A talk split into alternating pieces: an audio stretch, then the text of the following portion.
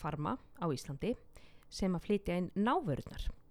Mér langar að mæla með ZMA sem ég er að nota núna. Það er blanda af zink, magnesium og B6 vitamini en þessi blanda hefur verið vinsæl hjá fitness og vakstarættafólki í mörg ár en er núna svona pota sér inn í þessa heilsu og velliðunar hillu. Bæði zink og magnesium hefur verið sínt fram á að dræjur vöðvaþreitu og auki testosterón til dæmis í tengslu við æfingar. E, það hefur verið sínt fram á að það eigur vöðvavöxt, það bætir styrk og úthald, endur heimt eftir æfingar og gæði svepsins. Ég tek þetta rétt fyrir svepn Eh, ég var að taka magnesíum í mörg ár en ákvaða að prófa sérst, að byrja að taka ZMA til þess aðtöku hvort það myndi bæta svefnum minn enn frekar. Sink er sérst er steinefni sem er gegnir margvíslegu hlutverki fyrir góða heilsu. Til dæmis er það nöðsulegt fyrir góða grunnbrennslu, meldingu og ónæmiskerfi og heldur heilbriðu hári, húð og nöglum. Magnesíum er mjög gott fyrir vöðvavirkni og taugakerfið og það gegnir líki hlutverki orkumyndun B6 er vassleysanlegt vítamin sem er mikilvægt í framlistu á hennum ymsu taugabóðöfnum og næringaruptöku og það kemur jafnvægi og blóðsykur. Og B-vitamin okkar eru streytuvitamin okkar og þegar við erum undir miklu álægi, erum að æfa mikið eða erum mikið álægi á okkur í vinnu, að þá spænir líka minn upp B-vitamini. Þannig að það getur verið gott að taka það augalega. Og jafnframt hefur verið sínt fram á að setja að maður geti aukið testosterón í líkamannum og það nú hjálpar okkur við að rýfa í lóðinn og það hjálpar við endurheimt eftir æfingar. ZMA, Sink Magnesium og B, fæst í háverslun.is, afsláttakóðin er rakkanagli 20 en það spara því nokkra öyra í formi 20% afsláttar. Og þar fást einmitt líka vörurnar frá Spító, sundvatnaðurum fíni. Það eru Houdini útivistavörurnar frá Svíþjóð, frábærar vörur uh, gammosjur uh, þeir eru með úr merino ull, svona bóli og flíspeisur og frábærar úlpur eins eru þau með flottu konvers skóna og margt, margt fleira uh, ég minni líka á afslættakóðan í Under Armour eða einn á altis.is hann er ragganagli og ég get 100% mælt með nýju hóver skónum en dá ég þá í þremu litum og er að íhuga að bæta við fjóruða þessum ljósbláa. En hér er næsti þáttur af heilsuvarpinu, gjöru svo vel og njóti vel.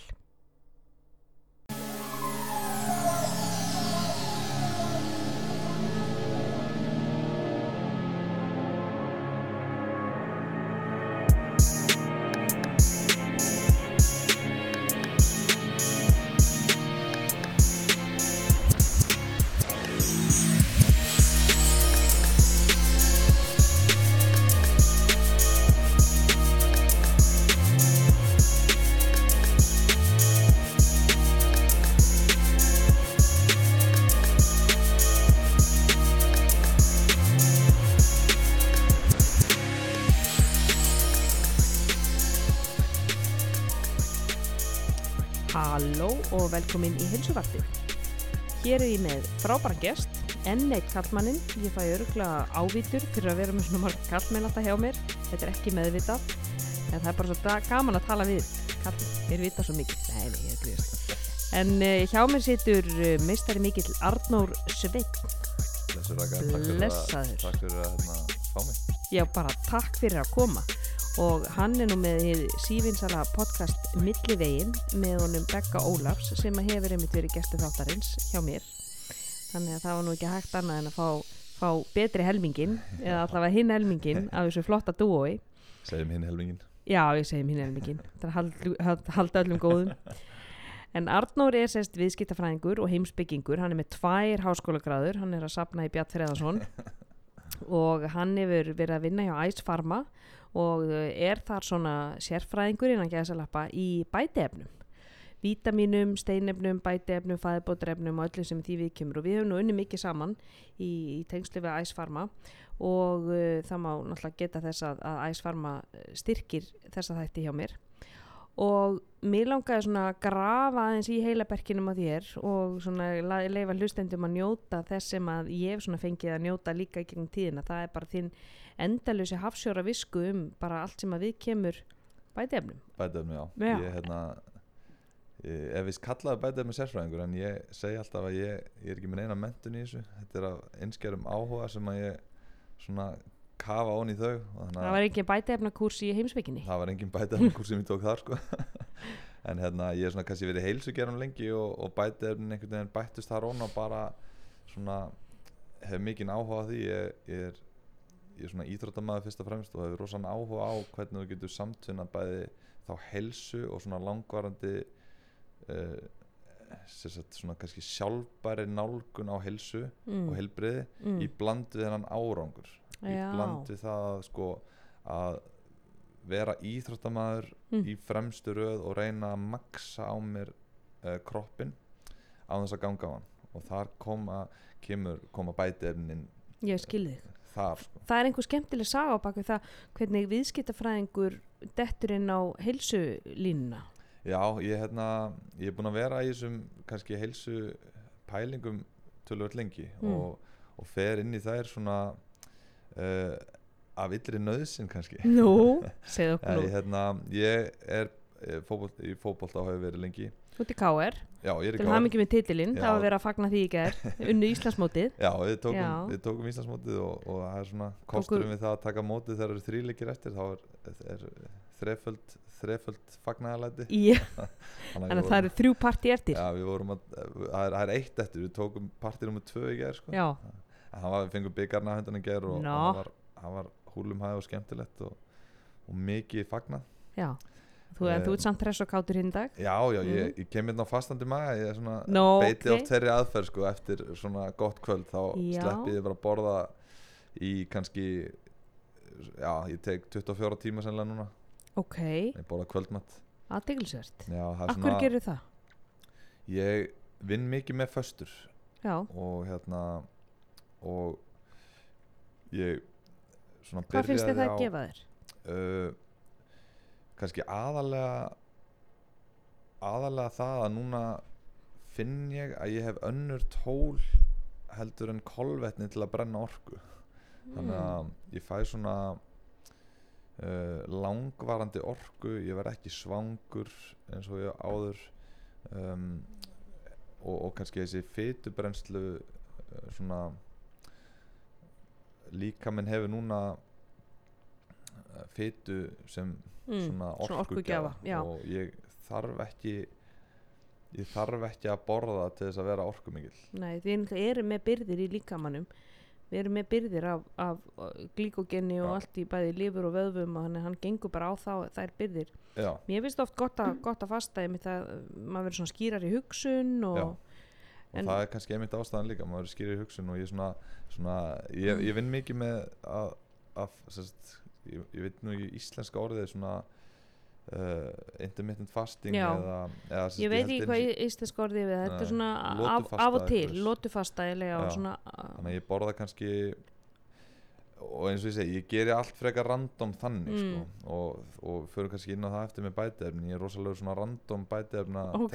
en ég geri föstuna þannig líka ég fasta yfirleitt bara svona borða kannski upp úr tíu og sem borða í kvöldmatt og það er svona þauðanpöttareglan já, og þú það bara er svona það. vinna með tvær máltíðir á dag Já, ég já, svona oft tek, oftast tekið tvær, já já, en, en hérna ég er svona ég er bara stundum þrjár, stundum já, bara svona stundum nastlæga kvöldin en Já. svona þauðanbuttareglan er kannski tvær til þrjár máltíðir og borða á borða á- kannski tíu morgun og seinasta máltíðin kannski eftir æfingu kl. 8 já, einmitt, þannig að þú ert að fasta svona í þessar svona 14 tíma kannski já, Já, cirka já. og fastan var einmitt bara svona partur af þessari vegferð, þessari heilsu vegferð þannig að já, sem að, já, ég sem sagt eh, svo ég klári söguna þá er ég í fótbolta eh, og komin upp í mestrarlokk hérna einhvern í kringum það var auðvitað þegar ég var í kringum tvítugt og þá lendi ég svona off-þjálfun sem að sem að- mm, lýsi sér bara þannig að þú þú ert bara alveg súr. Þú ert bara rosalega er ekki, þú, ert- mjög þreyttur náttúrulega. En það er þessi þú, þessi síra í vöðvunum. Alveg stöðu að síra. Stöðu síra hann er ekki að hreinsa út. Já, Mhm. akkurat. Og, og ég einhvern veginn á þessum aldri fatt ekki alveg hvað er þið gamall? ég er svona í kringum tvítugt hvað er Já. gammal núna? Nei, nei, hvað er þið gamall þarna? ég er í kringum tvítugt já, já, 21 kannski.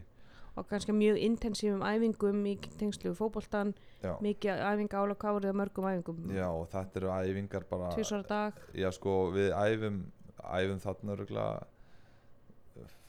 við erum örgulega að æfa bara með liðinu sexinu viku pluss leikur Mhm. og svo er maður að æfa augalega mm og þannig er maður ungur og, Já, og fullur á ákæð og eldmóð og orku og annað að maður æfir alveg á fullu og maður er ekkert að æfa kannski rétt en það er svona góður hugur á baku það. Já, en þú ert náttúrulega þeim aldrei að sem að sko recoveryð er svo rosalega hratt Já. í líkamannum að að, maður finnur ald, a- ekki almennilega fyrir þessu fyrir en allavega ég að lenda á þessum vegg já, þú krassa bara. Já, ég krassa eða bara. Ég hérna, man að ég ég fór í landslýsverkefni með utut og einum mm. og ég bara einhvern veginn það er svona nánast eins og ég sé veikur ég svona, fæ ekki fram úr rúminu bara ég var svo, mm. við, þetta var bara eins og að vera svona með vægan hita Mm. og, og ég náttúrulega bara segi engum neitt og einhvern veginn held áfram bara að djöblast og, Mm. og, og hérna eh, síðan einhvern veginn það kemur frí þarna og ég einhvern veginn fæ smá tí- tíma til að anda sem byrju aftur að æfa þarna um, um haustið og þá finn ég alveg að þetta er ekki farið. Ég er Mm. ennþá svona veist, að þetta er ekki svona augljóst. Þetta er ekki bara eitthvað eins og að greinast með einhvern sjúkdóm. Þetta er, veist, þetta er svona þetta kemur svona gradually aftanamanni Já. mm og síðan ertu ekkert eitthvað alla daga bara handónýtur þú ert bara svona uh, finnur kom- þetta mest megnist þegar þú ert að æfa rosa mikið. Já, og þetta enda bara þannig að ég hérna ég bara fer að reyna að finna alla leiði til þess að til þess að lækna sjálfa þig. Til að lækna já, sjálf já, og ég meina af því að að þú ég, getur ekki þetta ástand þú finnur, við þekkjum líkamann okkur við vitum hvað er að gerast og hann er að láta okkur vita, hann er að öskra á þig hann er búin að kvísla þér, hann er búin að tala við þig og þú ert búin að hunsa það, nú er hann að öskra á þig. Nú er hann öskram já, og það er alveg hérna rétt sko það er, það er eins, og, eins og þannig er bara það sem er mér er kærast tekið í burtu. Það Já, er er sko, og það er ekki tekið í burtu er, hann, er, hann er bara orðin leiðilegur því ég hef ekki orkuna í að njóta þess. Akkurat. Og hérna og þá fer ég bara svona byrjar þessi langa vegferð af því að ég reyni að hérna bara ná heilsunni aftur. ná heilsun aftur. Og, og svona í, í stuttu máli þá hefur þetta leitt mér bara á, á svona þessa braut sem ég nefndi á þann þessa, hérna, hvernig maður getur lifað einhvern veginn mér finnst sjálfbærni svolítið gott orða því að mm, gera þetta allt svona einhvern veginn í takt við allir kringum þig mm -hmm, uh, í takt við sjálfa, í takt við andlega Mm. heilsuna þina mm um, maður þarf að fara í bóð og ammali og Mm. matabóð allt Mhm. þetta að reyna einhvern veginn að samtvinna heilsusamlegan lífstíl við bara það sem þú ert að gera í lífinu já, akkurat bara lífstílin, að allt sem að þú gerir bæði mataræði, æfingar bæði efni, það passi við lífstíliðin en ekki öfugt. Þú þarf ekki að fara aðlaga þig að einhverju reglum og rútínum í kringum það. Já, Mm, akkurat. Mm. og ég er svona á þessum kabla þá náttúrulega þá byrja ég að hérna, bara svona borða hotlar þetta Mm. basics Mhm. að taka út sigur og allt þetta og svo, svo enda ég hérna á kabla þar sem ég tek alveg bara hardcore vegan. Svona plant sem sagt, það já, Já. svona whole food plant based rosalega holt hérna vegan fæði algjörlega heilar, bara óunnar afurðir og, og bara allt saman vegan já, og Já. rosa mikið af grænu akkur, grænmeti. akkur gerir það, akkur prófar það Mm. það var nú bara þessi forvitni hjá mér sko. ég, hérna, ég er líka mér finnst ótrúlega gaman að pröfa hluti og pröfa þá all-in og hérna uh, ef, ef ég gerir það ekki þá finnst mér ekki svona dómbær á hvort eitthvað virka fyrir mig ekki sko. Nei, þú ert þá ekki authority til að segja frá því en þú búin að prófa sjálfur Já, Mhm. þannig að ég, ég kerði bara á það all-in og það var ekki það var alltaf, alltaf aldrei aftur að borða ost ég, eitthvað, ég er ekkert búin að taka ákvörðum fyrir allt líf mitt kannski en Nei, þetta er það sem ég er að gera núna Já, þetta er Já. það sem ég er að gera núna ég, þetta, Þessi kapli var alveg Þetta var alveg þrjú ár þar sem ég var alveg mjög harður Í vegan, vegan. í vegan já. Já, ok, og, og svona lengi já, Var það partur sérst að, að í þínu, þínu bataferli, sástu það að það væri, varstu búin að lesa eitthvað um það, veist, akkur ferðu já, þangað ég hérna maður, já, þetta var í rauninni partur af, af því og þessari nálgunar en að, að hérna, þarna var ég kannski alveg komin á rosa góðan stað Mhm. þannig sko Mhm. og, og hérna og miklu heilbriðar en ég var nokkuð tíman Mhm. þar áður og mér langaði einhvern veginn að taka þetta á næsta stig Mm. og fór að fylgja alls konar eh, svona uh, það er náttúrulega heil vegan kampan úti sem er, er hérna svona þessi whole food plant based forks over knives heimildamindar hérna, gengið allt uh, China Study er bók sem ég las mm og fór svona einhvern veginn að skoða veist, rannsóknir og annað og sá að þetta hefði virkað fyrir fullt af hérna fólki um, Hafði þetta þá virkað fyrir fólk sem var á svipum stað og þú í ofþjálfun þú veist, var þetta eitthvað til að minka bólgur í líkamannum þú veist, hver, hver, hvert var markmiðið? uh, markmiðið var bara þú veist þessi, þetta sama sko bara að koma, koma mér á næsta level Koma bara heilsunni í íþróttamann, já, Mhm. koma mm heilsunni og, og hérna og það er náttúrulega já klálega minka bólgur og Mhm. hérna og, en, en, en eins og segið, þú veist, ég, í dag myndi ég ekki ráleika fólki endla að vera vegan. Ég er ekki vegan í dag, sko. Ég, Nei, hérna, ég nei. borða, þú veist, ég er með læri í opnum, sko Ó, ekki segja þetta, maður komið mat. Já, þannig að hérna, á þeim tíma þá, nálgæðist þetta á, á, á þeim fórsendum að ég var að fara bæta mig og, og bætti mig heil mikið ég meina, ég fór úr kannski, þú veist, ég var alveg í ágætlega hotlu matara en ég fór yfir bara svona alveg, ég, þetta var rosalega holt matara já, þannig að ég allt saman óunnið og heilt, Já. heilar, já allt En nú er náttúrulega þinn betri helmingur í milliveginum, hann Já. er nú vegan og hann er fótballtadrengur, Já. hann Beggi Ólafs Já. og hann hefur komið inn á og rætti um veganisma og, Mm. og hann er ennþá Já, hann er, Já, ennþá, hann er, hann já. er uh, öruglega í bara sama og ég var veist, við, Mhm. að bara hann er whole food plant-based, hann bara rosalega holt mm og hann gerir kannski vegan rétt ef við getum orðað þannig af því að það, það er alveg kunst að gera það vegan rétt. Það er mikið kunst og það er um, útpæltur alveg. Já, ha- og sko og þá komum við kannski að bæta efnum og eftirvarandi það Mm. því það er hellingur af efnum sem maður þarf að hafa í huga að þú ert Mhm. vegan. algjörlega. Uh, til dæmis B12 Já, ég B12 Þeir, það segja margir að við, við gætum ekki sko veganismi eftir að við sko fórum að þróa B12 til að taka aukalega að það hefur hjálpað sérst þessari stóru bylgju að veganisma að, að verða að veruleika. Já, af því að, af því við að fáum þetta náttúrulega ekki úr sko, úr plöntum, plöntum, plöntum með fæði. Nei, og það er alveg eitthvað sem þarf að sérstaklega í huga hérna, uh, ef þú ert á mataræði sem að er svona restriktiv eða hérna, svona, sem svona st- stíft og, og, og já. Já, og Mhm. þá, þarf að, þá þarf að hafa þetta í huga. Mm og hérna og þú þarft að geta samsett líka til þess að fá réttu aminosýrurnar til dæmis að sko vera með bönir, brún hrísgrjón saman til, til að fá sko all, fullkomnan aminosýruprófíl úr því sem þú ert að fá. Því að einu, einu afurðina sem eru með fullkomnan aminosýruprófíl eru náttúrulega dýraafurðir. Já, mm. og það er hérna þessar sem að bygg, eða, vöðvi er, er, er blanda af aminosýrum og, mm og til þess að hérna, það eru hvað 20 og eitthvað aminosýrur og, og cirka helmingur af þeim er verðuru að fá á fæðinni já, og hitt hinn helmingurinn eða svona ég man ekki nákvæmlega tölunar sko, eru sagt, já, líkamann getur búið það til. Já, og græmmetisfæði, það er allar aminosýrurnar í græmmetisfæði eins og þú segir en það er, eru ekki uh, það kom ekki úr einni, einni uppsprettu. Veist, ég úr ég fæ allar aminosýruna mínar úr bara einni nautakjöldsneið en ég þarf að vera útpælt til þess að sko ég þarf að blanda saman ég er að, ef ég ætla að vera blöndumiðu fæði til þess að fá þær. Já. Já. En þú sagðir áðan, ég myndi ekki mæla með veganisma við fólk, akkur ekki?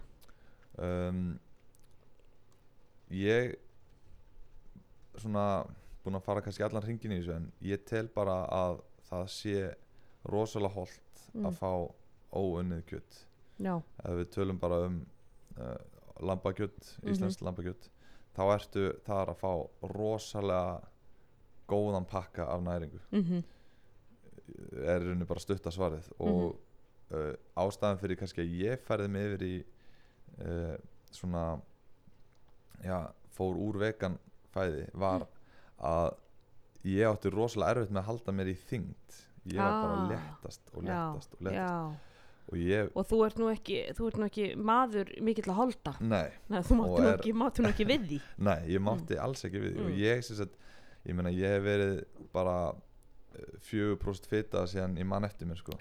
En þannig að fytuprosentan var ekkert að minka bara, ég var bara að rýrna bara vöðvarnir á mér. Þú ert bara- að þú ert- fara sko. þú ert bara eins og bara eitthvað hérna, magur nautahakk bara í fjögur próst fita sko. Já, mm, þannig að ég hérna ég í raunni já, þurfti að borða rosalega mikið Já. þegar ég var á veganfæði og ég var einhvern veginn svona langaði að já, ég já, bara, það, það var bara gekk ekki fyrir mig. Mér, ég, mér langaði ekki að gera þetta svona. Nei. þannig að ég, hérna, núna þegar ég er með kannski svona meira föstu miða mataræði Mhm. og fasta ekkert mál að halda sér í þyngd það er nefnilega aðeinsvært því að, að sko þú ert að borða tvær máltíður á dag kannski þrjár, mm. þú ert að fasta en samt nærið að halda þér í Já. það er náttúrulega það bara hvað þú ert að borða og hversu já, en það snýst þetta alltaf um heildar hitaeininga dagsins, við getum fengið þær úr einni máltíð, úr þremur, úr sex, úr fimm, Já. þú veist, skiptir ekki máli þetta snýst náttúrulega bara um hversu mikið við erum að borða og við fáum náttúrulega, þú getur fengið þú færðir eina góða ribbæ steik, bara góða 400 grama ribbæ steik, já, ég veit að gott fólki er alltaf að tala um ribbæ í þessum þætti. En þá ert að fá þú ert, þú ert að fá þar öruglega ég veit ekki 500 kaloríur. Já, alltaf ekki. Já. Alltaf ekki, já, og ég sko ég, þú ert að borða ansi mikið brokkoli til að fá 500 kaloríur. þú þarft að borða svo rosalega mikið og þú ert orðin svo sattur og fullur og þetta verður svolítið eins og sért bara, bara að tróða í því, þetta verður svona force feeding svolítið Já, sko. Mhm. mörguleiti og hérna ég hérna var farin að borða þú veist kókosolíu og annað sko. Já, og það gekk í raun ekkert fyrir mig heldur sko. En, en svo fólk haldi nú ekki þessi hérna eitthvað, ég, ég borða rosalega mikið þegar ég borða sko. Já. ég er ekkert eitthvað að, að það, þá, já fó- fólk er stundum alveg bara skilur ekki alveg hvernig ég kem öllu þessu dótu niður og Ó, þá minni ég það bara það að ég ég naslaði hvorki fyrir en eftir mat sko. Ég borðaði bara þetta sem þú sást að, eh, hérna, þegar er matabóð hjá, hjá, hjá krökkunum sko, þá er það bara hvað djöð getur þú getið en þú veist, ég borðaði ekki snakki fyrir Nei. nýja eftir sko. Ég er að hraðtengja þetta við þig sko. Jú, ég fæ þetta nákvæmlega samt ég, mér, ég er ekki, ekki burðug að, að vexti sko, en ég get borðað sverustu kallmenn undir borðið. Ég bara, og ég er, ég er að borða og borða og borða og ég er náttúrulega dóttir pappa mín sko, við erum með, það er, það er, það er stopparinn, það er djúft á honum sko. Og ég fæ oft þessa, þessa aðtjóðsend hvernig kemur þessu öllu fyrir? Og þá segi ég mitt líka þið til dæmis eru öll búin að vera að drekka hérna kannski þrjá fyrir bjóra áður en við byrjum Já. að borða. Það eru til dæmis 170 kalorir hverjum bjór. Já. þetta er hitaðningar sem líka mér er búin að fá inn. Þið eru líka kannski búin að vera að fá okkur neturnar eða þú veist nastla eða það er kannski langt síðan ég borðaði síðustu máltíð. Og svo erum við líka bara með þú veist misraða brennslu Já. og það er misdjúft á því og akkurat. Þannig að einmitt ég er svona eins og þú ég borða, ég borða sjaldan og ég borða mikið mikið í einu. Það finnst mér gaman. Það, ég, það er nefnilega gaman þegar maður, já, þegar maður er búin að gera sér góða mat og þú finnur bara að þú ert í stöðu á leikdegi sko, þú Já. getur borðað mikið þá alveg sittum maður við borðið og borðað bara í tvo tíma sko. já, einmitt. Ég er alveg með þér bara. Þar er maður alveg að setja bara svona smá sko í dagatalið bara. Já. millir 17 og 19 bara cancel all my appointments. Já en þú sérst er, ert þarna á vegferðinni að, í blöndu miðu og, og ert svona að reyna að finna, finna heilsun aftur. Hvernig gengur það, hvernig Já. líður þér þarna á þessum tíma? Um, þarna á þessu tíma þá er ég kannski komin uh, fimm ár inn sko Mm. og, og með öllum þessum uh, bara ups and downs sko bara hérna alltaf maður pröfar alls konar hluti og, og hérna og sumt virkar og sumt ekki sko og þarna þegar ég pröfa blöndufæði þá var ég komin á fínan stað og var Mhm. bara ég var að spila í Noregi þá mm -hmm. bara aðdunumæður í fótbolta þar sko. og, og svona eftir á heikja þá var þetta rosalega svona þetta var alveg svolítið hugur eitthvað ákvörðun svona hjá ungu manni mm. í fótbolta umhverfi að ákveða að þetta bara kjöt sko. uh, hérna, og fekk alveg hellinga spurningum og svona öruglega fengin og eitthvað þarna verandi, þú veist, réttu rúmlega tvítugur í Já. þessu umhverfi að hvað pússi ertu, Já, já, veist ekki já. alveg það var allt þetta sko. já, og fótboltaklefi er, er stórkostlugu staður þetta er öruglega mest testosterón fylta macho umhverfi sem þú kemst í já, og það er sveitt mikið pungabindi og Já. þú, þú þarft alveg að standa í lappirna þar svo að já, það er þetta er, þetta getur brotið hörðustu já, kallmenn það er ekki þetta er svona þetta er, þetta er staður sem ég þykir svo væntum að þetta þetta er þetta kemur frá svo hlýjum stað sko. það Mm. er svo mikil eining sko. en, mm, en aftur á móti að þú ert að gera eitthvað aðeins öðru sér þá færð alveg að vita það sko. já, og hérna, já, ég, á, þá er ég bara veist, þetta er allt bara mjög svona árangusmiða hjá mér ég Mm. vill bara fara að ná meiri árangri þegar ég er í plöntufæðinu sko. síðan hérna meiðist ég og og hérna og get eða ekkert æft mikið mm, svona alveg í sex mánuði mm, og það er um það leitið þar sem að ég er að koma heim mm, að spila aftur Mm. og þá léttist ég mikið að Mm. ég get ekki lift og verið að lifta og þá finn ég alveg ok, ég þarf mögulega að fara að breyta einhverju. Þá Mm. fer ég aftur að svona huga því að taka inn uh, bara hágjaða óunni kjött mhm, og mhm, hérna þannig að í dag er ég, ég segi ofta að ég er svona whole food plant based en Mm. borða samt steikur sko, ég borða rosa mikið svona vegan og sem sagt se- þetta hennan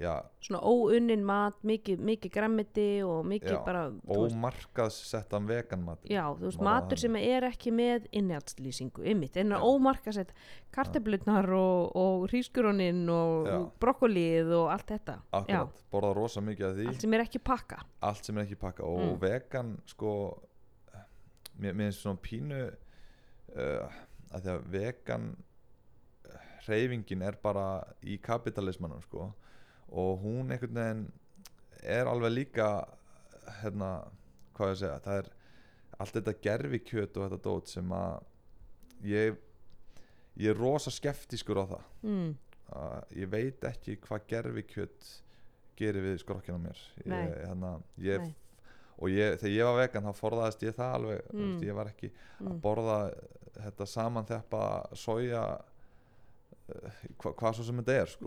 Ég er ekki aðdáðandi af gerfi kjöti nei Mér finnst reyndar, ég er nú oft sko, þú veist, fengið mér umf og svona já, mér finnst það, það gott og, og hérna, og kann, að, að, þú veist, metta það en og svona sem bara svona reyna að vera aðeins sko meatless mondays eitthvað Já, já, aðeins já. og ég menn ég eldaði mér þess að fyrir pappa minn og hann vissi ekki eins og þetta veri ekki einmitt. sko umfer mjög bræðgott sko. já, mjög, Já. mjög gott sko og hérna, og, og jömmið í, í hérna í skyndibittanum þar hefur komið mjög stert inn Já. hérna, já, og ég get alveg 100% mæst með jömm æjólíinu mér langar svo að smurja mig bara upp úr og niður og sleikja það sér af það er eitthvað bara guðskjöf til mannkinn sko.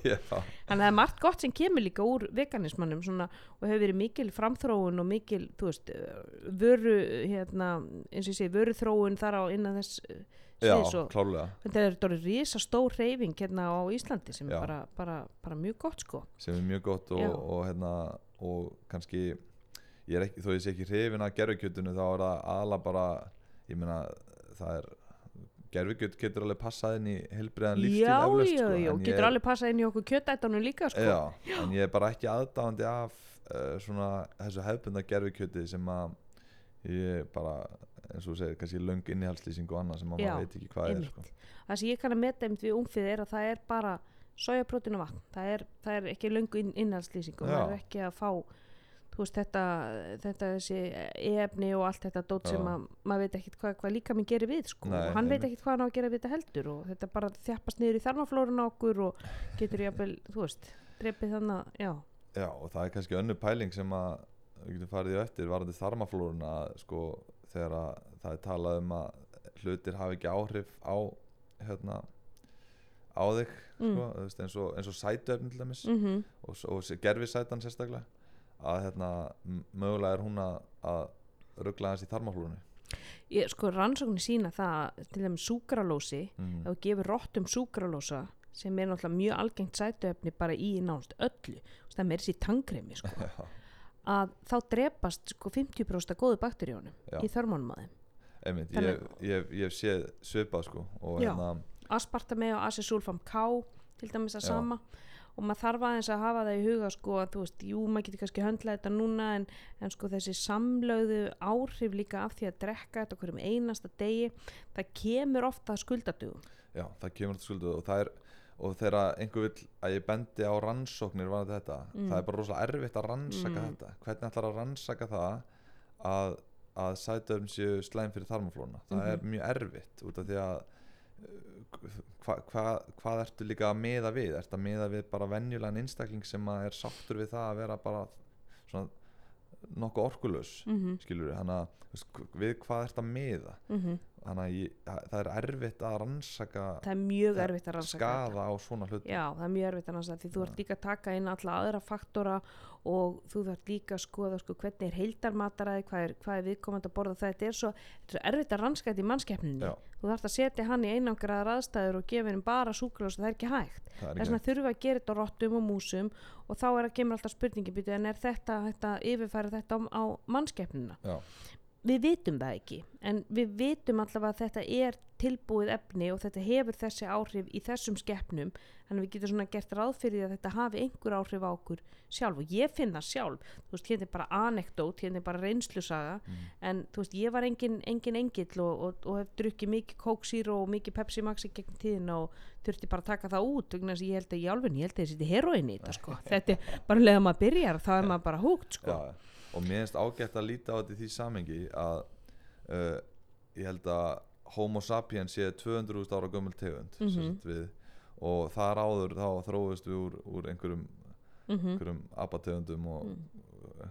ég, ég kannski alveg með þetta alveg á Nei, kristæð nei, nei, en það er en- enginn að byggja um þú ert ekki, þú ert ekki sögufræðingur ég er ekki, ég er Mm. ekki sögu sérfræðingur en, hérna, en bara horfa á þetta í samengi að, að sætuefni og ég meina ef við förum út í það tækni og símar Mhm. og uh, blá ljós. Þetta hefur allt verið til í svo rosalega skamman tíma. Sekundu brota mannkynnu Já, þannig að við einhvern veginn ætlum að fara að halda því fram að það sé allt í lagi að að fá þeir e-efni og aukaefni út af því að engar rannsóknar hafa sínt fram á það. Þau hafa bara ekki verið til nema Nei. í, í, eins og þú segir, sekundubróta Já, mannkynnsögunni en okkur vantar alltaf langtíma rannsóknir og við erum ekki komin held í það langt í, í neyslu af þessu til þess að geta gert langtíma rannsóknir. Já, og það er til dæmis eins og með steranótkun það er ekki fyrir bara síðustu árum það sem þeir hafa geta skoða þessi langtíma áhrif af steranótkun eins og í Austur-Evrópu. Mm, það sem er að sjá til dæmis sko að fólk sem var að taka semst, íþróttamenn sem voru að taka inn stera í, í, í sko Rúslandi og þessum austur-Európu löndum að sko kynnslóðin fyrir neðan þá og kynnslóðin jafnvel fyrir neðan þannig að þeirra börn og barnabörn mm, að þau eru farin að fæðast vansköpið ú, já þannig að Já. það, það er sko þar getum við farið að gera langtíma rannsóknir en hugsaði það er ekki fyrir fyrst núna sem við getum það þannig að með sætuöfnin og, og þessi símanótkun og allt þetta sem Já. þú talar um við erum bara ekki komin nóg langt í nótkun á þessu. Nei, ég meina það er ekki nema 20 ár síðan ég fekk minn fyrsta GSM síma já, þú veist Nokia 5010 svo var þetta skipta út framhliðinni og spila Snake. Já. já, að mér er gott að horfa á sko uh, það sem ég geri varandi mín, minn lífstíl eða mitt svona, já bara lífstíl ef við getum orðað þannig er svona hvernig þróumst við hingað já. og þá, þá það, við, við hvað fæddumst- kom okkur á legg hvað kom okkur að legg veist, við, við hlupum berfætt og við Mhm. hérna, veitum og söfnuðum Mhm. borðum óunnafæðu og föstuðum föstuðum mm mm uh, borðum líka ekki bara óinu fæði við borðum líka mikið af, af innmat. Innmat, Já, akkurat við erum hægt að borða innmat. Já, við borðum að borða engin lifur og hjörtu og nýru. Hvað er það sem skeppnin að gera þegar það er drepa, drepa? Það var lóðrétt í, í inniblin Já, bara be, beint í inneflin það er játnið og bjöð og það er allt það er, þetta er bara orku húsið sko. Já, Mm. og ég er mitt farin að leggja mitt ásla á innmati núna.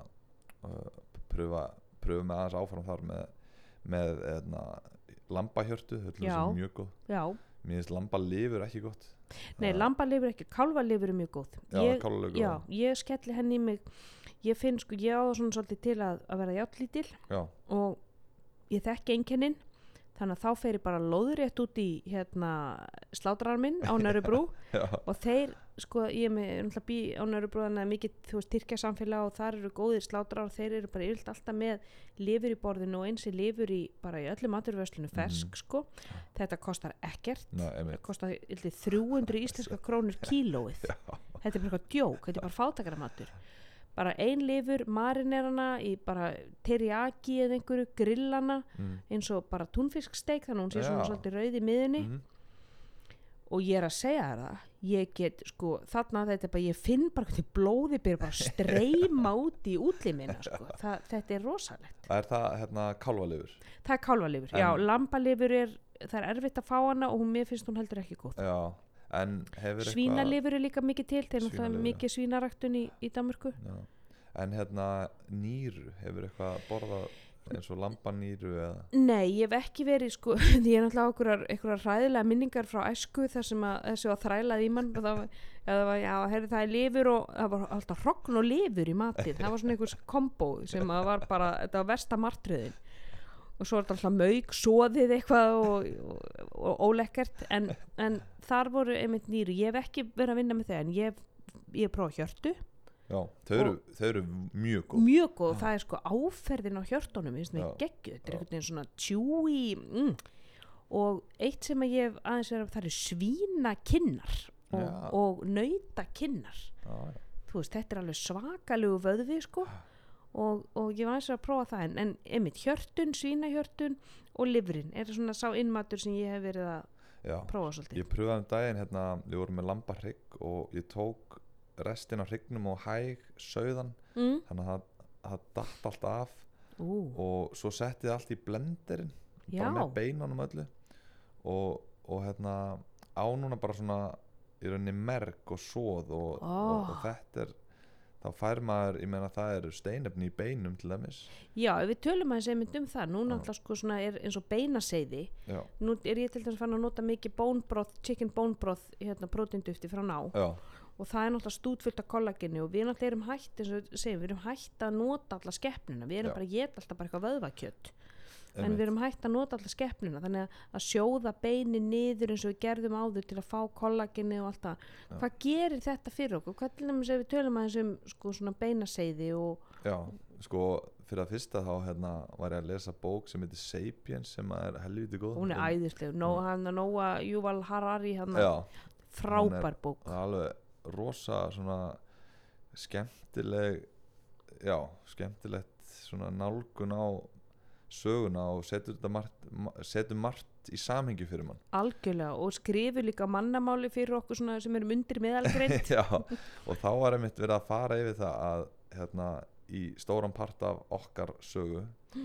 eru við bara svona í miðju fæðukeðunar Mm. svona ekki eins og núna það sem við erum bara á toppnum á fæðukeðinu og getum Mm. gert það sem okkur sýnist þá vorum við svona einhver um, í miðri fæðukeðinu og þar komu rándýrin og drápu dýrin og borðu svona það sem þau vildu borða og svo kom, komu við Mm.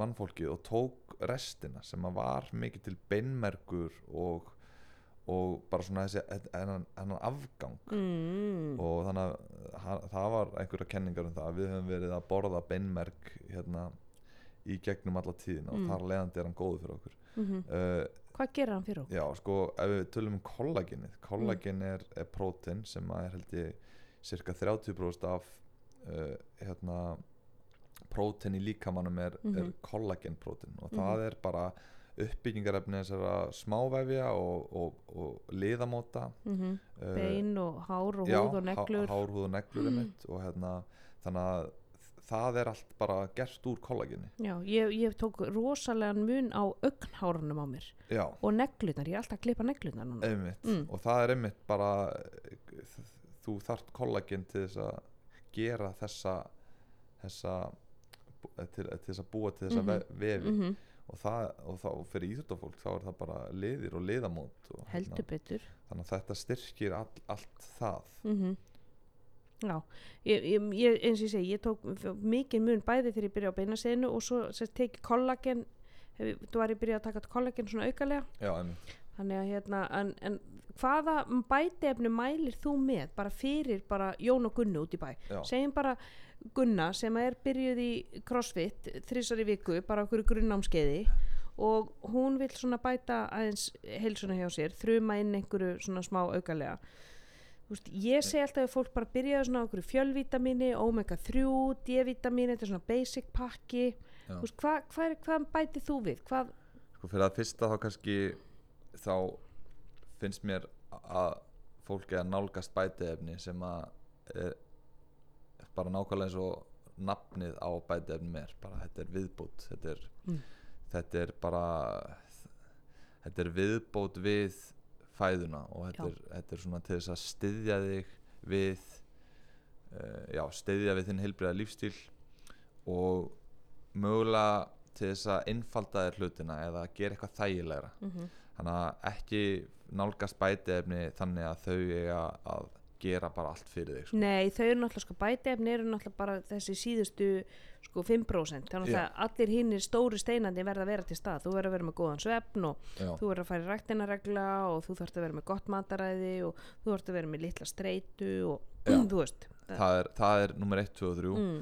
og svo koma bætiefni þar á eftir að mínum að og, og, ef þið vantar eitthvað þú veist, ef við finnum eins og, eins og mér vantar oft já já, og mér vantar oft B12 einmitt. að þú veist að þú maður líka lesi aðeins í líkamann með það maður þarf að finna einmitt út úr því sjálfur hvað henda manna því að Mm. mm. bætiefni er alls er stór Já. og hún er ekki það, það, það finna allir þar eitthvað með við sinn lífstíl eða ég meina segjum á sértu vegan þá þarf þetta að huga B12 til dæmis Mhm. og jafnvel einhverjum aminosýrum Mhm, jafnvel hérna omega 3 líka mhm. þannig að það þarf svona að hafa huga en svona fyrir vennilega leikmann sem er bara að reyna að lifa svona nokkuð heilbreytt þá myndi ég fyrir að fyrst að segja bara D-vitamin og Mhm. það er nú orðin nokkuð góð vitneskja um það að við hérna á Norrlandslóðum fáum ekki nægjanlegt magna D-vitamini úr sólinni Nei. og það er nú áhært að sko D-vitamin skortur á Vesturlöndum er algengastur af öllum vitamin og steinum það? Já, D-vitamin skortur er mjög algengur. Og eh, Parkinson held ég. Mm. þetta er nú bara kenning hjá mér. Þetta er Já. ekkert eitthvað svona mittlað í stein. Það sem er áhugavert er að uh, Parkinson er oft uh, sem fólk sem fær Parkinson er oft búið að vera með langvarandi D-vitaminskort já, ok. Og Parkinson er, er, eitthvað rannsóknir sem sína það eða? já, og það er á norrlægum slóðum ég held að Ísland sé í öðru sæti yfir, yfir hvað er eh, algengt? já, og efst er held ég Finnland, svo Já. er Noregur hérna það sé fá lítið sólaljós og, Já, já, og þannig að ég er svona ég hef ekki alveg kafa á þetta en það er- þetta er, þetta er, þetta er mjög áhugavert. áhugavert og, og, og þessi verið að skoða. Já, og D-vitamin skortur ég meina hann hefur áhrif, viðtak áhrif ég veist, og hvað hva önnur hvað önnur áhrif hefur D-vitamin hvernig finnum maður að maður sé með D-vitamin skort ég held að það sé erfitt að finna en Mm. þú, þú, það getur haft áhrif á ég meina, börn sem fengu ekki nægilegt magna D-vitamini fengu beinkrömm hérna, mm. hérna áður Mm og það var bara, þá byrja bara beinagrindin að bogna sko. mm. og þannig að D-vitamin er rosa mikilvægt fyrir bara, fyrir beinin fyrir Mhm, það fyrsta já, þannig að uh, og svo er og auðvitað svo fáum náttúrulega D-vitamin gegnum sólaljósið og það að fara út að, þú veist, reyna að fara út og taka inn byrtunni gegnum augun. Já. við, við tökum mest að D-vitamin gegnum augun, fara ekki út og vera ekki með sólgleru heldur að horfa bara þessi út í sólina. Jafnvel þó að sé februar já, að bara fara út í byrtuna er bara rosalega mikilvægt. Já og að Mm. fara út er ég meina það er nú bara þú kannski þekkja betur í sálfræðinni verið að nota sko þetta svona að fara út í náttúruna bara til Mhm. að láta það líða betur þannig Mhm. að þetta er svo svona heldar pakki að fara út af því að við erum svo mikið inni Mhm. við erum alltaf inni, við erum Já. að fara uh, úr heim, sagt, heiman inn í bíl já, og úr bílnum inn í vinnu já, og þetta er inn í ræktina við erum alltaf inni maður er alltaf inni sko. og það finn ég rosalega mun til dæmis eins og að vera hér á Íslandi þar sem ég er mikið í bíl og er að keira á milli versus það að vera í mínu daglega lífi í Kaupanöf þar sem ég er alltaf á hjóli ég er alltaf úti Já, og það er bara, ég finn bara hvernig sko D-vitamin ég er að fá það inn í gegnum húðina jafnvel þó ég sé að hjóla í slittu og viðbjóði í mars, Já. skilur við það er alveg og að koma koma bara inn eftir að vera veðu bara Oh. það líður svo vel sko. ég líður svo vel, þetta er streyturlósinin og það eru rannsóknir sem að sína að ef fólk er látið fara út að labba Mm. annars vegar semst í bara hverfinu sínu innan um uh, bara hús og byggingar og hins vegar látið fara út í skóg út í, út í náttúruna út í, út á náttúrustíg. Mm. er það kortisóli er miklu læra hjá þeim sem eru innan um tré? Stre stresshormónið stresshormónið það lækkar vegna þess að þannig erum við í okkar náttúrulega umhverju okkar Mm. náttúrulega umhverju eru tré og það er ábyggilega einhver lykt eða Mhm. þú veist, það er eitthvað í umhverjunu sem róar okkur niður. Já, þetta er hérna þetta er alveg rosalega vannýtt auðlind, þú veist, af því að þetta er svona hvernig átt að vera heilbriðir það er bara að fara út og fasta veist, þetta er, þetta er ókeipi sko. Einmitt, fara út að lappa og fastaði og þetta er bara komið. Já, en það er alltaf verið að selja okkur alls konar lausnir í hinum og þessum Já. umbúðum. En segja, þú veist, að svona að þessi, þessi markasetning öll og Mhm. hérna og ég meina ég er nú að selja bætiefni en hérna, þetta er oft ekkit flokknara heldur en að fara bara í grænmetisgangin Mhm. og kaupa þér eitthvað sem er ekki með neini merkingu á. Mm borða það, fasta fara út, eh, þú veist, út að lappa já, reyfa þig. þetta er ekki dýrt sko. nei, þetta er, er ókipis og að sinna félagslífinu sínu og sinna sjálfum sér prófa að setja sjálfan sig stundum í fyrsta sæti og fara og gera eitthvað, farðu í nutt eða farðu og gera eitthvað fyrir þig. Já. og syndu félagslífinu, farðu út í, í, í bjór með strákonum eða farðu í saumaklubin eða Akkurat, félagslegi þátturinn er heldur að hitta að nagna á höfuð það var hérna það var einhver rannsók sem einhver benti mér á þannig að ég er ekki sérst að vitni rannsók sem ég las. En þá var það þannig að var, þetta var svona bara happiness rannsók Mhm. skoða hérna hvaða faktorar hafa mesta áhrif á hamingju og það var félagslegi þátturinn var nummer eitt. Já, þannig að ef þú ræktar hann þá ertu, þá ertu komin aðeins í langt veist, í rauninni er félagslegi þáttur nöðsynlegur í, í, nöðsynlegur þáttur í heilbriðum lífstíl sko félagslegi þátturinn hann spila líka stóra rullu í langlífi.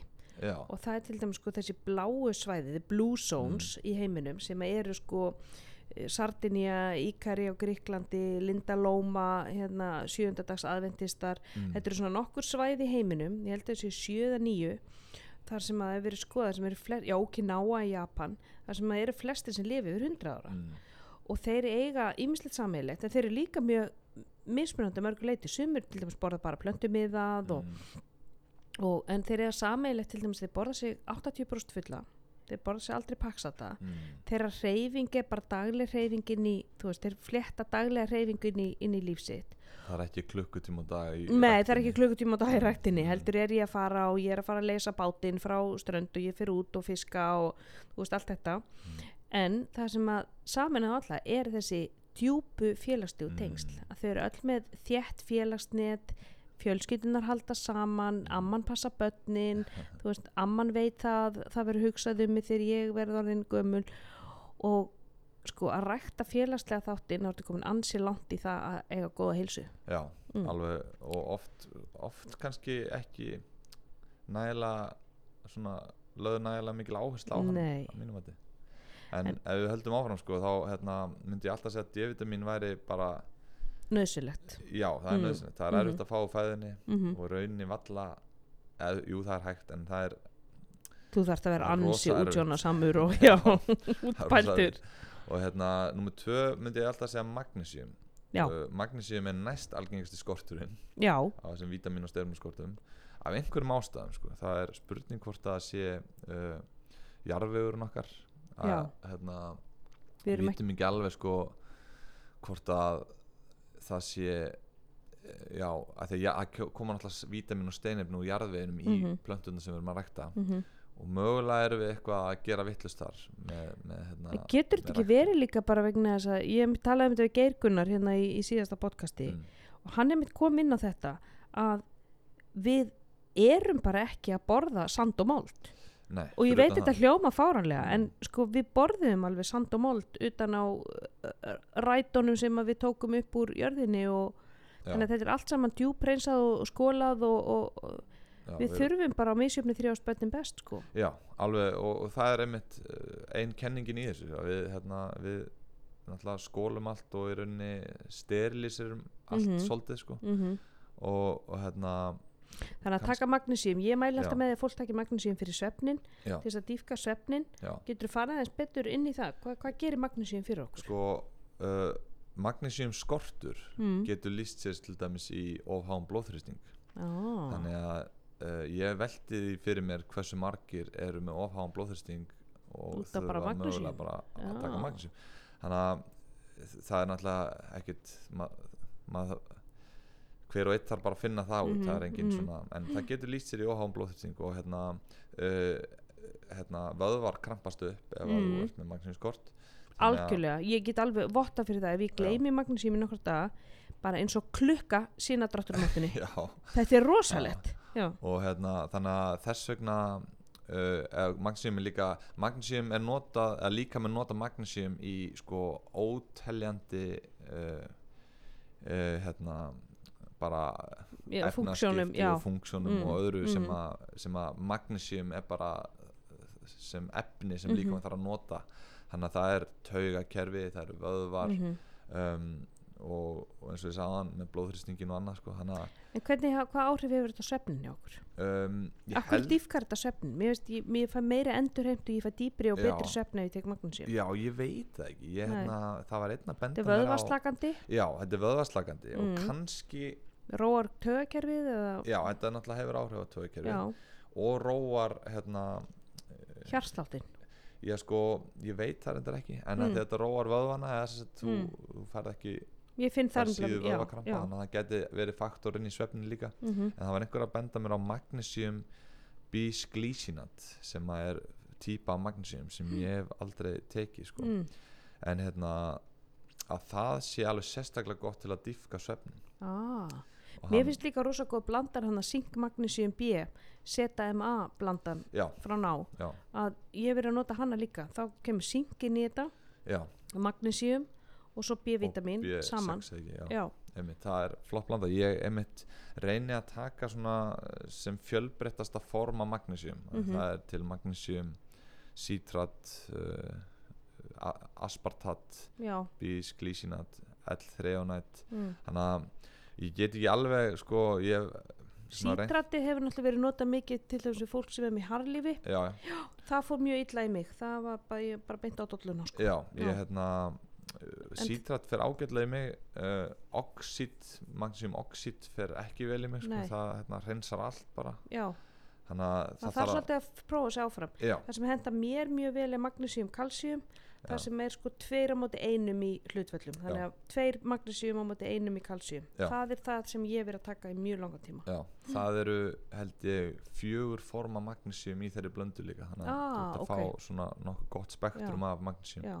þannig að þú mælir alveg með magnesium D-vitamíni, Já, góðu fjölvitamíni já sko með fjölvitamin þá þá eh, mér finnst alltaf gott að vera með gott fjölvitamin upp í skáp mm. en ég tek ekki fjölvitamin sagt, nema kannski allir ég tak ekki kannski eina töflu Mm. uh, eða kannski þrjár töflur í viku já, svona. einmitt, ekkert alltaf daga Nei, ég Nei. tek ekki alltaf og akkur ekki um, Mér finnst það bara svona það er svona þetta er svona kannski til að covera með aðeins sko Mm. ef ég er búin að vera kannski að æfa mikið eða Mm.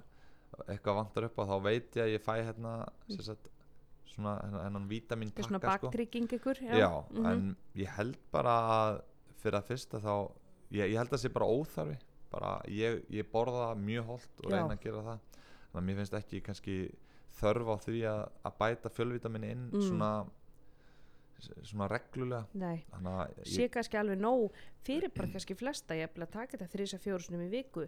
Líka bara leifa líka mannum aðeins að bara fá frí og, og bara mynda þessi vítamin sjálfur og, og, og finna, já. Já, ég líti einmitt á þannig líka Mm. og ég nýti yfirleitt tækifæri þegar ég fer í frí þá Mm. tek ég yfirleitt engin bætið með mér svona Nei. nánast sko. Ég gera það líka. Já, og bara svona aðeins að, að því að mér finnst líka mikilvægt að finna og þekkja sjálfa þig og svona, já, ok hvernig líður þið núna, vantar eitthvað þú veist, er, ertu, þú veist er þetta raunverulega að gera eitthvað fyrir þig svona að reyna að spyrja með þeirra spurningar þetta er kunst að lesa í líkamann því að hann er alltaf að segja okkur Já. við erum bara ekkert að lusta sko. Nei. við hlustum ekki Nei. nóg mikið og ég tók eftir til dæmis núna um, bara núna rétt árið kominga til Íslands var það að ég var allt í henni fann að fá svo mikið munnangur ég Já. komið munnangur komið svona ból á tunguna og komið tvö munnangur ekki fengið munnangur í mörg mörg ár og þá fór mín að rekna hm. ég var búið með já, allt sem er munntengt Mm. er yfirleitt C-vitaminskortur já, og ég var svona frunsukrakki sko. Já, þannig til ég fór bara að löðra mig í C-vitamini og þá hættu þær að koma. Já, og þannig ég kefti mér C-vitamin núna þegar ég var hér. Í köpi er alltaf með C1000 já, mjög stert og bara og það var eins og það hefði verið bara þetta reynsaðist upp á okkur um tveimur dögum sko. Og þetta ef þú þekkir líka með henni Mm. þekkir merkin og ert svona svolítið svona aðeins sjóaður í þessum fræðum og Já. veist einmitt hvað er munn okkur, hversna kemur það Mhm, og þá getur farið að skoða og þess vegna er svo gott einmitt þegar maður fer í frí taka ekki, Já. hvað kemur svo kemur heim með munnangur, Já. skilur eða Hvað- þú veist, er ég rosa þreyttur Mm. veist, er, var, þarf ég endilega allt þetta B12 eða er ég bara góður Já. og, algjörlega og ég er mitt nýti, nýti tíman svolítið þannig sko um, næst myndi ég segja eiginlega já, fjölvitamin er svona já, eins og við töluðum, kannski Mhm. bara eitthvað til að styðja sig við og þá er mikilvægt eins og uh, að vera með gott hágæða fjölvitamin sem, a, sem að þú veist já, hvað sérst, það sem stendur á uh, dósinni að það sé í töflunni. Já, og það er ekkert svo algengt í þessum bransa. Það er, Nei, það ekki. Nei, þetta er rosa mikið vilt vestur Nú, og rosalega mikið svona eru er þetta einhverjir, kónar hérna? já og sko lítið eftirlit náttúrulega og það er náttúrulega mikið gaggrindu bætaefnabransin Mm, alveg réttilega oft á tíðum mjög réttilega mínum að út af því að þetta eru þetta er ekki sama eftirlit. Nei, og hérna þú getur í rauninni, sko, ég man eftir í Bigger Stronger Faster, sko, að Já. fóruð þeirri mynd inn á þetta, þú getur í rauninni bara löðrað einhverju dufti í, í, í dollu og, og þú ert bara alltaf í náðum prótínframlegandi bara í bílskutnum hjá þér. Þetta er rosa lítið eftirlit. Já og þú setur þetta bara upp í hillu Mm. upp í hérna GNC eða eitthvað.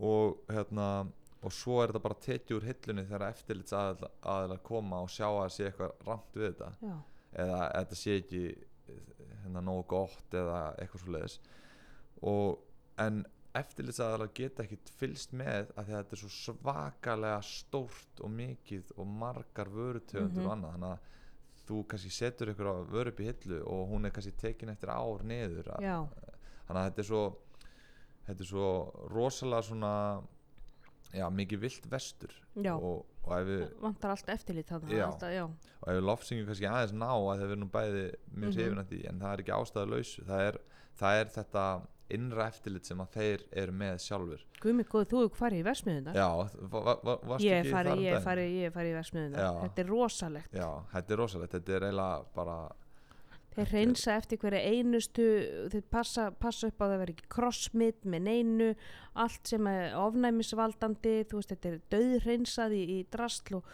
og, og sjá sko þeir eru með þarna svona marmaraborð til að mæla sko ykkur mikrogrömm og þú veist ég var bara ég var komin í ykkur alltaf að veröld sko já, þá er mitt sér maður þetta rosalega gæða eftirlit já, þeir, og þeir hérna þeir náttúrulega kaupa inn helling af hráefnum líka þannig að Mm. þeir eru að blanda þarna sjálfur en kaupa inn hráefni af hérna, náttúrulega hérna, fyrirtæki sem þeir treysta mm -hmm. en þeir rannsaka alla skamta sem kom inn Mhm. bara skoða hvort Mhm. það sé eitthvað í því sem á ekki að vera Mm hvort það sé það sem þetta á að vera yfir Mhm. höfuð um, allt hérna þeir nota til dæmis ekki svona geislavirk efni sem eru efni bara til þess að drepa hérna, bakteríur og annað.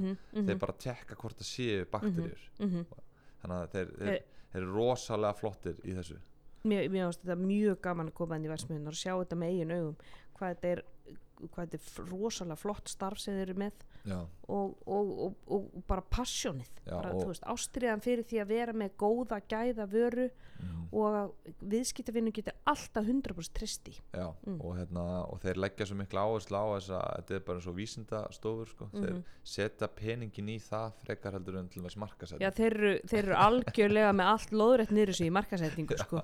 þeir eru ekki eins og þeir eru valla á Instagram sko. Nei. Þeir setja bara allt í í rauninni gæðaferli Já, ég veit það. Og það er bara sem að maður kann að metta sem maður Já, kann að og ég menn þetta selur sér sjálf er ég nota Evuna sem er sérst Evu fjölvitamin, maður minn notar Adam. Já, þannig að það þetta er sérst Eva og mæli sem er með fyrir sko. konur og, og svo fyrir kalla já, Já, og, og bara mjög svipa blöndunum á þessar áherslu breytingar með, ég hef verið að mæla svolítið með að fólk takja all glútamin Já, bæði Fyrir fyrir þá- þarmaflóruna og fyrir aukna endurheimt eftir æfingar. já, Það er alltaf svo aminosýra sem er náttúrulega mestu magni og svo bara bæta ónumiskerfið. já, Sérstaklega fólk er að, veist, upplega mikla streitu og svona. og Þannig að Já. ég, ég hef tekið all glúta mín í 20 ár, sko. Já. Bara, þetta var sagt við mig bara um leið og ég stegin í mín fyrstu skrifi líka sem taktu all glúta mín. einmitt Þannig ég tröll að trúa á henni. Hva, Já. hva, hvað er þitt álit á all glúta mín? um, ég hef ekki mér finnst eldglútamin og það virkar sko, það er alveg hérna það er, ef þú ert að æfa mikið þá Mhm. segi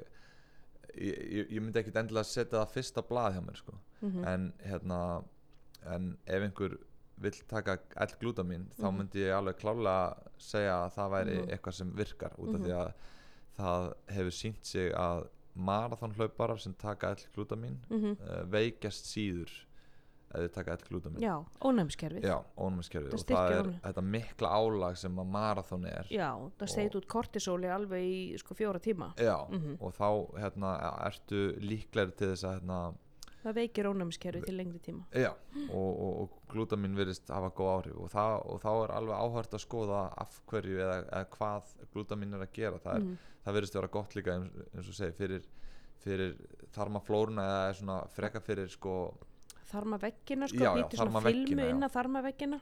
Já, þannig að hérna ég, mér finnst glútamin, ég tek hérna BCAA Big Six frá ná Já, svona reglulega og það er, Er glútamin í því? glútamin í því Mm, mm, og mér finnst það svona gott góð svona recovery blanda Já. mjög góð recovery En blanda þú varst að tala um þú veist, Nú er ég að byrja að prófa með rauðróðuduft. já, Já, bara fyrir úthald. já, Mælur með því? já, ég, ég hérna Hvað gerir það fyrir okkur? já, rauðrófuduft er hérna bara unnið úr rauðrófum þannig að rauðrófur fyrir það fyrsta eru bara mjög hotlar það eru Mm. mjög hérna góðar fyrir hjart og aðakerfi uh, góðar fyrir íþróttafólk Já, uh, góðar fyrir sko blóðflæði eða sem sagt þú hérna það verður svona auki blóðflæði mér til vöðu. Ég finnst ég vera með aðeins meira úthald. Ég veit ekki hvort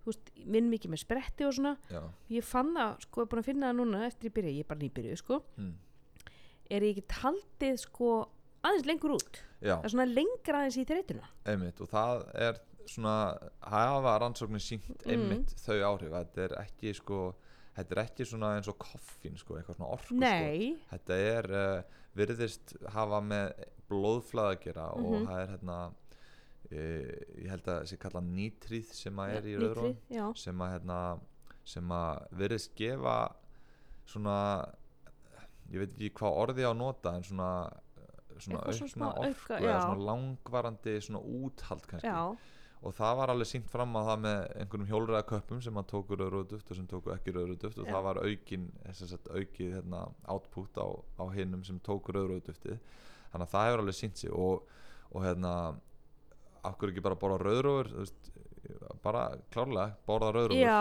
já, er rauðrófuduft rauðrófu safa og þú veist, er þetta, þetta, þetta er rauðrófu safi til dæmis tilbúin já, eða bara borða meira rauðrófu Já. en við erum bara hjá því nei, við erum bara ekki að því og þarna komum við að Mér finnst sko, það vondar sko já, mér finnst það Já. ekkit spes heldur Ég sko. minnst ég bara vera að borða mált sko Þannig, og já, þar komum við að sko, hvað, bæ, hvað eru bætefni og það, Mm. þetta er þessi er þetta að gera lífið þitt einfaldara Mhm. þá bara er það frábært þá Mhm. ertu kannski að taka ég minnir að þessi tvær og hálf rauðrúfa í einni matskeið í rauðrúfuduftinu frá ná. Já, þannig að þá tekur eina matskeið og þá Hver er að borða tvær og halva rauðrófu? Að enginn sko. Já, og þannig að það er þessi þægilega leið til þess að hérna, til þess að þá fá meiri rauðrúf í kroppin sama hvort þú sett íþróttamæður eða bara veist, að hugsa um hjart og aðeins sko. Já, einmitt, það er þetta gott líka bara fyrir meðal mann að fá hjarta eðakerfi já, já. klálega uh, Hvað er svona annað sem þú mæli með? Já, það er sko, þegar ég var vegan þá, hérna, þá var eitt af því fyrsta sem braut það mm. -hmm. þannig, var omega 3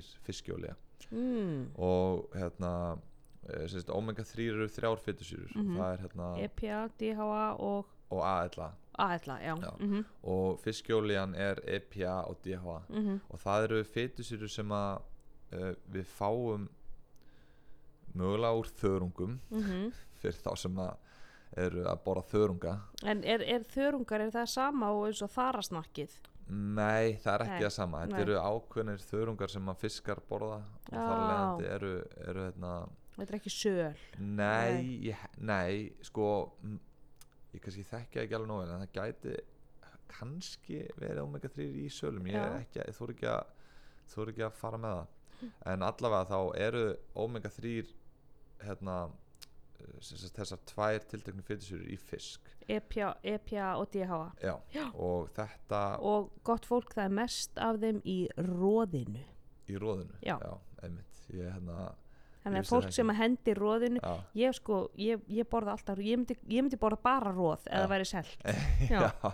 mér það best bróður minn hérna bauð mér í matinn daginn með hérna f- fisk sem að hann veitir sjálfur mm. og alltaf einhver fílingur í því sko og þar sagði hann mér að borða róðið eða hann Mm. sagði ég borða alltaf róðið og ég borðaði róðið, það var rosalega gott. Já, var það, var það silungur? Já, silungur.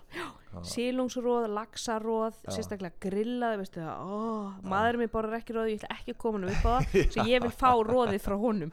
Já, en það er allavega sko uh, sagt, í græmitsfæði eru, er ALA það er Mhm. nóg af omega 3 í GIA-fræðum en það er bara þessi ALA fitusýra mm, mm, og hinnar tvær eru þá í fiski eða Mhm. þá í þessum þörungum mm, sem að er mjög erfitt að finna bara á bætiefnaformi mm, sko. þannig að uh, við erum borðum mjög mikið af omega 6 mm, omega 6 er út um allt. Mm, við fáum nóga því úr við fá, því fæðinu Mm. og það er þetta ójafnvægi millir omega 6 og omega 3 sem Mm. skapar ímis konar vandamál. Mm, þannig að ef þú ert að borða uh, sko tvöfalt meira af omega 6 heldur omega 3 þá Mhm. er það hlutfall sem er bara fínt mm, og eiginlega bara mjög gott mm, og ef þú borðar jafnvel einn á móti einum það er að segja Mhm. jafn mikið af omega 3 og omega 6 þá ertu bara í flottum málum en við erum að borða allt upp í sko 12 til 13 sinnum meira af omega 6 heldur en Nei. omega 3 já.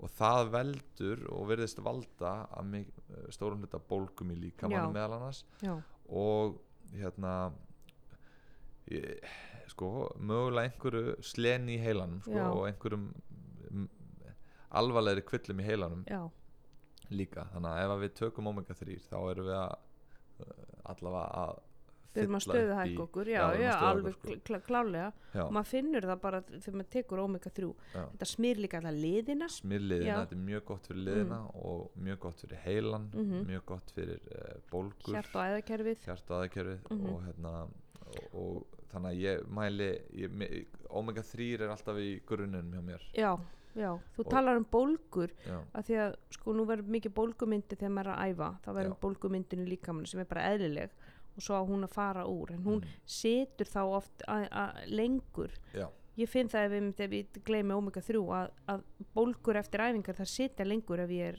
Já, ef ég er ekki duglega í því. alveg klárlega og ef við erum að tala um bólgur þá er hérna kúrkuminnið er já, Kúrkumin er, er hérna er virkaefni í túrmerik. Kúrkumin er E100 já það er E-efni já. það er efn já, þannig að öll E-efni er ekki kannski eins slæm, slæm sko. og, já ok. Og ég, ég var bara að komast að þessum dag já, en sem sagt, að því að þetta er litarefni. Já, en já þetta er gult. bara þetta gula já, úr túrmeriki já, sem að hérna, túrmerik sem er alltaf krytti sem er nota mikið í indverskir matagerð já, í karri Já, þannig að sko ég finn það, ég, þetta er nú eitt, eitt tips ég tók frá honum vinniðinu honum Bekka Ólafs. já, Það var að, að prófa hérna gúrku, gúrkufress já, og til að draga úr bólgum í líkamann. Þannig að, en ég fór svona að vera aðeins duglir í omega 3 já, en mér finnst gúrkufressi algjörlega hjálpa. já það er alveg hérna, alveg ég, ég mæla alveg með kúrku eða, túrmeriki og, og kúrkumin og uh, sko, kúrkufress er túrmerik safi unni í duft þannig að þú Já. færð, þú færð hérna, þú færð meira en bara kúrkumin í Já. kúrkufress sem Já. er vara frá náið mitt Já, og það, hún var valin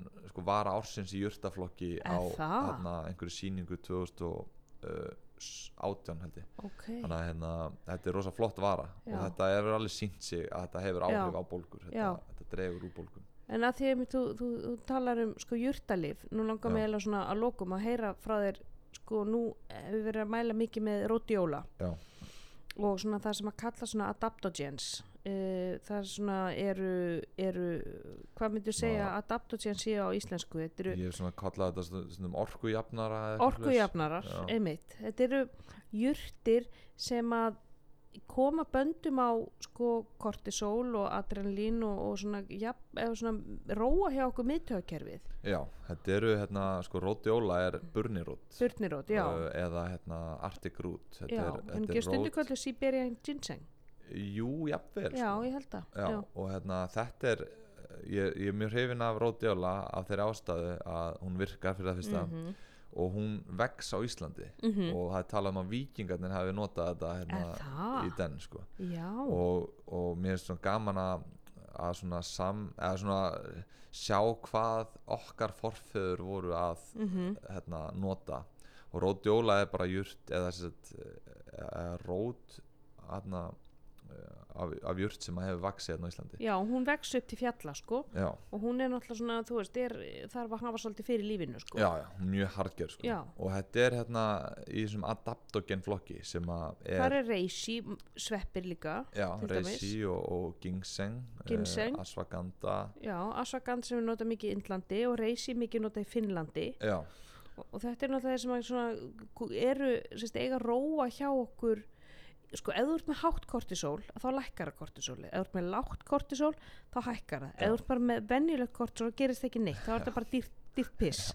Já, þetta er nefnilega hérna og, og ekki einu sinni dýrt pissa því að þetta, þetta gerir svo margt annað heldur sem við erum kannski alveg búin að fatta. Gefur okkur svona þessa góðu orku. Já, Mm. og sko ég er með opið hérna eina síðu sem ég mæður alltaf með að fólk skoði sem heitir examin.com Já. sem að þú getur stimplað inn bætiefni og þeir taka saman rannsóknir ah, og, og sína í rauninni eh, bara svona heilda niðurstöður á eða til dæmis eins og rótjóla þá hérna- examin.com e e-x-a-m-i-n-e.com Já. Mhm. og þar getur stimplað inn til dæmis eins og rótjóla og Mm. þar getur séð um, uh, til dæmis verið að skoða rótjóla við hérna, fatigue eða Mm. þreytu Mhm. og þá eru átta rannsóknir sem eru búin að skoða það mm. og, og þá sést það að uh, það er, hérna, hefur notable áhrif það hefur, það hefur áhrif á að draga úr þreytu Mhm. átta rannsóknir síndu allar fram á það Já, þannig að það, ég kvittaði það alveg bara, já, þannig að það er þetta að skoða með einföldum hætti hérna, svona niðurstöður rannsókna taka þetta rosa skemmtilega saman og lesa alveg heilmikið um þetta. Já.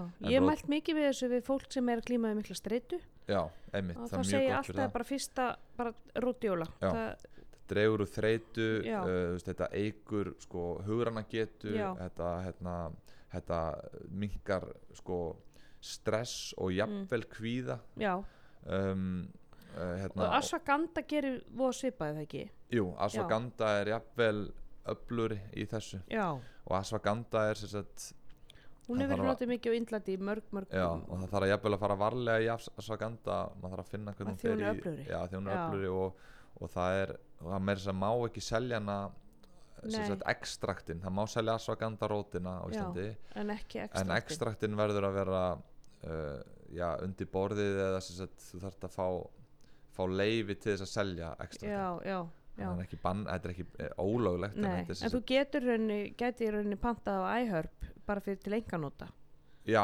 ég sko já, þú getur það já, alveg ég held að, sko. já, ég held að þú geti það. Ashwagandha er náttúrulega þetta er æ, úr Ayurveda fræðunum Já, þessum indösku lagnisfræðum sem já. að, og þá og komum aftur að því sko, hvað hefur komið okkur á þann stað sem við erum núna mm Mhm. þessir, þessir austurlensku lækninga aðferði þær hafa Mhm. staðið svolítið tímans tönn mm og að skoða hvaða hvaða jurtir hafi verið notaðar lengi einmitt. uh, í langan tíma. Það er svona sterk sem vísbending er um komin eh, reynsla á það Já. að þetta virkar. Já, já, þannig að rótióla er svona ég á alltaf rótióla upp í skóp ég tek ekki alltaf rótióla þetta er ekki eitthvað svona veist, eins og D-vitamin sem þú verður Nei. að hafa en þetta getur verið geggjaður stuðningur við já, þitt líf já. ef þú ert að fara eh, jafnvel ef þú ert undir álægi myndir álægi alveg klárlega já, og Já. ég meina ég eins og ég segi ég gerir svona hluti mjög svona random bara Já. svona svona að- að hendingu sko ég, ég fer stundum inn í vítaminskapin og, og horfi og bara pikka út það sem að ég er í er fyrir sko. þannig að ég, ég tek ekkit allt á hverjum degi sko. nei, nei, ég ger það reyndar ekki Já. heldur, ég er svona svolítið að hlusta einmitt á líkamann sko og, og hvað er að gerast hjá mér veist, eins og núna er ég búin að vera í stóri törn hérna á Íslandi og þá finn ég bara ég þarf allt rastlið sko, þú veist, B12 hjá mér það er bara, það er í nullinu, sko, það er í toilettinu þannig ég er að dundra því vel í mig og rótiólað og allt þetta. Svo kannski ef ég er í rólegum fasa, þú veist, heima bara í minni góðu rútínu þá kannski tekið rótiólað út og, og finn svolítið þarf ég endilega aukalega B12 núna, prófa að taka það út í einhverja Mhm. daga þú veist, jú, það kemur að þreita aftur og negluði aftur inn eða mhm. leifa líka, hann gefa hún svolítið frí líka Já, Já. Og, og, og líka bara minnst að vera svona partur að því að taka svolítið ábyrð sjálfur ekki, ekki hérna ekki hugsa að bætefna glasið sé að fara að redda þér og bara lifta upp höndum bara, "Herri, Nei. ég, ég er ennþá þreyttur, ég er samt að gera allt sem ég get sko. minnst það svona partur að taka ábyrð þú þarf að finna svolítið bara þetta er alveg á toppnum af píramítanum, þú þarft að hugsa um allt hitt, sko, svefnin náttúrulega bara, mér finnst hann vera stæstur í þessu öllu saman. Hugsa um svefnin, mataræði hreyfingin, félagslífið streitan og bætefnin þau bæta þau eru, þau eru viðbót við allt hitt sem þú ert að gera þau styðja við það sem þú ert að gera Já. en þau eru ekki að fara að make or break í einhverjum árangri ef allt hitt er bara í lamasessi nei, sko. akkurat þannig að hugsa um stóru steinana fyrst hugsa um sko. stóru stefna Já. og kannski til þess að klára aðeins svona, þetta eru svona grunnurinn sem ég mæli með og kannski stiklum á stóru það er magn, eh, D-vitamin, Mhm. magnesium omega 3 um, svo uh, tölum við um rauðrófuduftið sem að Mhm. er, er svona ekstra sko mm og græn fæða sem er kannski líka svona ekstra sem er Mhm. svona þessi einfalda leið til þess að fá hérna phyto, green phytofoods green Eh, phytofoods já, já. og það er blanda af uh, kveitigrassi, spírulína mm. þessi, þessari grænu fæðu sem er oft erfitt að fá. Ég elska spirulína gott. já, þú, einmitt, þú hefur dýft ég hef tífi eggjum í spirulínu ég held eina manneskjan. eina manneskjan sem gerir það. Já, ég ætla að pröfa þú hefur ekki hérna- prófað það nei, ég hef ekki prófað það þetta er tjúla kombo. Já, harsóð egg, dýft í spirulína duft já, þetta er bara er- geggja og, og að blanda spirulína í sinneb það er líka klika kombo. Já, ég veit að ég er mjög sérstakar en spirulína finnst mér bara ég sleiki oft bara puttan og, og, Já, og setja upp í mig sko. Já, og hérna og spírulína einmitt þessi, þessi græna fæða er bara er, er bara góð fyrir almennt heilbrið Já. og, og fyrir íþróttafólk þetta er, þetta er bara þetta, þetta þema, þessi bólguminkun þetta Mhm. hefur bara þetta hefur svona einhver heildræn áhrif Mhm. sem að lýsi sér bara því að þetta líður betur já, og það er þessi græna fæða sem að er alveg, það er engin í heiminu sem segir að bara minna grænin fæður sko. Nei, nei. bara og ef við tölum um hvað kom okkur að legg á græmiti já, já, akkurat ég, mér, finnst, mér finnst það svona gott til að hafa upp í skáp líka Mhm. og, og eins og ég segi, ekki taka endilega á hverjum degi nei, nei, kannski eina, eina í bústið eitthvað staðar hér Já. og þar sko að- og svo er spurning með góðgerla líka ég hérna, tek góðgerla svona ekki á hverjum degi en ég á alltaf góðgerla upp í skáp mm sem að er svona til þess að styðja við þarmaflónu, Og það það eru er- margir sem eru svolítið rugglaðir í skallanum með það. Já, því að sko það er náttúrulega til aragrúi það er til þessi probiotic defense sem eru Mhm. svona bara svolítið svona bara, þetta er svona byrjandi gerlar. Síðan Já. er til sko 10 biljón og 25 og 50 og 100 já, og þetta er náttúrulega mismunandi styrkleiki. Já. Hvar myndið þú mæla með að fólk byrji? Ég mæli yfirleitt með að fólk þarna probiotic uh, sagt, 25 uh, probiotic 10 25 biljón sem að er, er sem sagt, 10 gerlar já, 10 tegundur í styrkleikan 25 miljardar og, og mæli með því að fólk taki það og sjáu hvernig það fer í Mhm. það eina töflu á dag kannski fjóru sinum í viku eða eitthvað já, allar dag Nei, ekkert endla Mm. alltaf og hérna og sjáu hvernig það hvað, hvernig það er, það er svona, þá ertu að tappa á nokkra staði sko. mm -hmm. um, probiotic defense tek ég reglulega því að það er ekkert sterkir gerlar mm. um, ég held séu 13 tegundir og bara 1 miljardur en það Mhm. er hellinga grænni fæðu með það er í Ah. leia grænni fæðu það er með ah, kveitigrassi og spírulína sniðut þannig að ég tek það með um, en þetta er svona góðgerlar er svona eh, svona til, svona til að styðja sig við og hjálpa þarmaflórunni svona Algjörlega. þegar- Já.